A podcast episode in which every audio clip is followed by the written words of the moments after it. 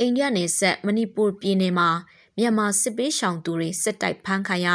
နန် CDM တွေနဲ့ပတ်သက်တဲ့မူဝါဒအပေါ်ဘာကာတာရဲ့အမြင်ဆိုတဲ့မြန်မာຫນွေဦးခရိုနီကယ်ဇန်နဝါရီ30မိုးမခမြင်ကွင်းဆောင်ပါကိုဖတ်ကြားပေးပါမယ်။မြန်မာနိုင်ငံနဲ့အိန္ဒိယနိုင်ငံနဲ့ဆက်ဖြစ်တဲ့မဏိပူပြည်နယ်မိုးရေးမြို့ကိုမြန်မာနိုင်ငံဖက်မှာဖြစ်ပွားနေတဲ့စစ်ပေးကနေထွက်ပြေးခိုးလုံနေထိုင်သူတွေကိုမဏိပူပြည်နယ်အစိုးရက ဖမ်းဆီးဖို့အမိန့်ထုတ်ပြန်ထားတာ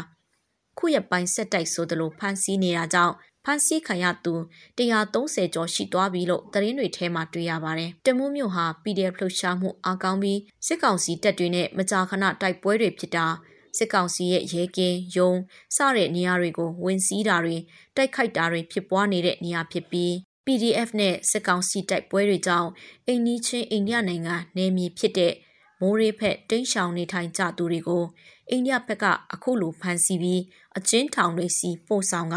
မြန်မာနိုင်ငံဖက်ပြန်ပို့နိုင်တဲ့အလားအလာလည်းရှိနေတဲ့သဘောဖြစ်ပါတယ်။အိန္ဒိယနိုင်ငံမှာပြည်내တပြည်နယ်နဲ့တပြည်နယ်မွန်ဝါဒချင်းမတူကြတာတွေ့ရပါတယ်။ချင်းပြည်နယ်နဲ့ဆက်ဆက်နေတဲ့မီဇိုရမ်ပြည်နယ်ကတော့ဒုက္ခသည်တွေကိုလက်ခံထားပြီးကူညီမှုတချို့ပေးနေတာလည်းဖြစ်ပါတယ်။ချင်းပြည်နယ်ကချင်းတိုင်းသားတွေနဲ့မီဇိုးပြည်နယ်ကလူမျိုးစုတွေကြား ဘာသာစကားယဉ်ကျေးမှုစတဲ့နှိစက်မှု တူညီမှုတွေရှိတဲ့အချက်ကလည်းမီဇိုရမ်ပြည်နယ်ကချင်းပြည်နယ်ဘက်ကထွက်ပြေးလာတဲ့သူတွေကိုကုညီရချင်းအကြောင်းတစ်ချက်ဖြစ်ကောင်းဖြစ်နိုင်ပါတယ်။တမူးမြို့နဲ့ထိစပ်နေတဲ့မဏိပူပြည်နယ်ကတော့မီဇိုရမ်ပြည်နယ်နဲ့မတူတဲ့မူဝါဒနဲ့ကင်တွယ်နေတာဖြစ်ပါတယ်။အိန္ဒိယနိုင်ငံဗဟိုအစိုးရအနေနဲ့လုံခြုံရေးဆိုင်ရာတွေမှာမြန်မာစစ်ကောင်စီနဲ့ဆက်သွယ်ဆောင်ရွက်မှုတွေရှိနေတဲ့သဘောမျိုးတွေ့နေရပြီး အိန္ဒိယနိုင်ငံဟာမြန်မာစစ်ကောင်စီနဲ့ထိတွေ့ဆက်ဆံနေတဲ့အိမ်နီးချင်းအင်အားကြီးနိုင်ငံတစ်နိုင်ငံလည်းဖြစ်ပါတယ်။ပြည်내တစ်ခုချင်းစီမှာတော့ပြည်내အစိုးရတွေရဲ့ကိုပိုင်ဆုံးဖြတ်ပိုင်ခွင့်မူဝါဒချမှတ်ခွင့်အတိုင်းအတာတစ်ခုထိရှိတာတွေ့ရပါတယ်။မဏိပူပြည်내ကငကိုကလေးက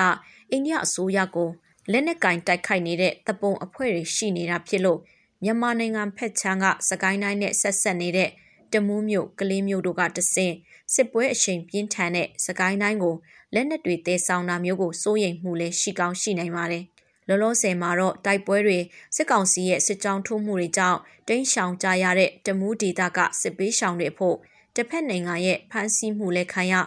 အကျဉ်းထောင်ထဲလဲပို့ဆောင်ခံရတာတွေဖြစ်ပွားတဲ့အခြေအနေလည်းဖြစ်ပါတယ်။ရခိုင်ကအိန္ဒိယမြန်မာနယ်စပ်ကုံသွဲလမ်းကြောင်းမှာအချက်ကြာကြတဲ့မြို့တစ်မြို့အဖြစ်နဲ့သိရှိကြတဲ့တမူးမြို့ဟာ စစ်အာဏာသိမ်းပြီးနောက်မှာတော့စစ်ကောင်စီစန့်ကျင်ရေးအင်အားစုတွေအားကောင်းတဲ့မြို့နယ်ဖြစ်ပုံမသိရှိလာကြတာဖြစ်ပါတယ်။မကြသေးမီက AUCC လို့အတူကောက်ခေါ်တဲ့အမျိုးသားညီညွတ်ရေးအတိုင်းပင်ခံကောင်စီက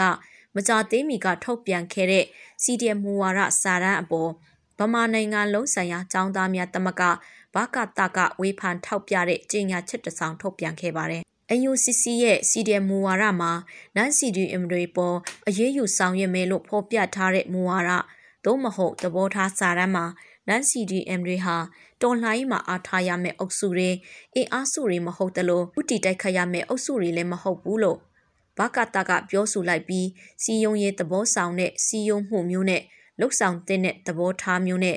AUCC စာတမ်းကိုဝေဖန်လိုက်တာဖြစ်ပါတယ်။ CDM မူဝါဒစာတမ်းဟာ CDM လုပ်တဲ့သူတွေနဲ့ non CDM တွေအကြားနိုင်ရှင်စဉ်းစားချက်တွေနဲ့မူဝါဒဆိုတာထက်ကိုပုံကိုရေးခန်းစားချက်သဘောမျိုးပို့ဆန်တဲ့အရေးသားတွေလည်းပါရှိတာတွေ့ရပြီးလက်စားချေရဲ့အငွေသက်တွေလည်းပါရှိနေတာကြောင့်မူဝါဒဆိုတဲ့သဘောထက်လက်တွေ့ကျင့်သုံးမဲ့လမ်းညွှန်လက်တုံပြန်လှုပ်ဆောင်မဲ့လမ်းညွှန်ချက်တစ်ခုတစ်ပွဲဖြစ်နေတာလည်းဖြစ်ပါတယ်။ လက်နက်ကင်လမ်းကြောင်းကိုကင်ဆွဲထားကြချိန်မှာအရက်ဖက်ဆိုင်ရာဝန်ထမ်းတွေရဲ့တစ္ဆာခံခြင်းမခံခြင်းသို့မဟုတ်အာဏာချုပ်ကင်အုပ်ချုပ်နေတဲ့စစ်အစိုးရလက်အောက်လှုပ်ချင်းမလှုပ်ချင်းတွေဟာ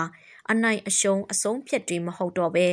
လက်နက်ကင်လန်းကြောင်းကသာအနိုင်အရှုံးအဆုံးဖြတ်ပေးနိုင်တယ်ဆိုတာကိုယုံကြည်ပြီးနန် CDM တွေအပေါ်ဥတီပြစ်မှတ်ထားမတိုက်ခိုက်သင့်ဘူးလို့ဘကတကဆိုလိုချင်းလည်းဖြစ်ပါတယ်ရှင်။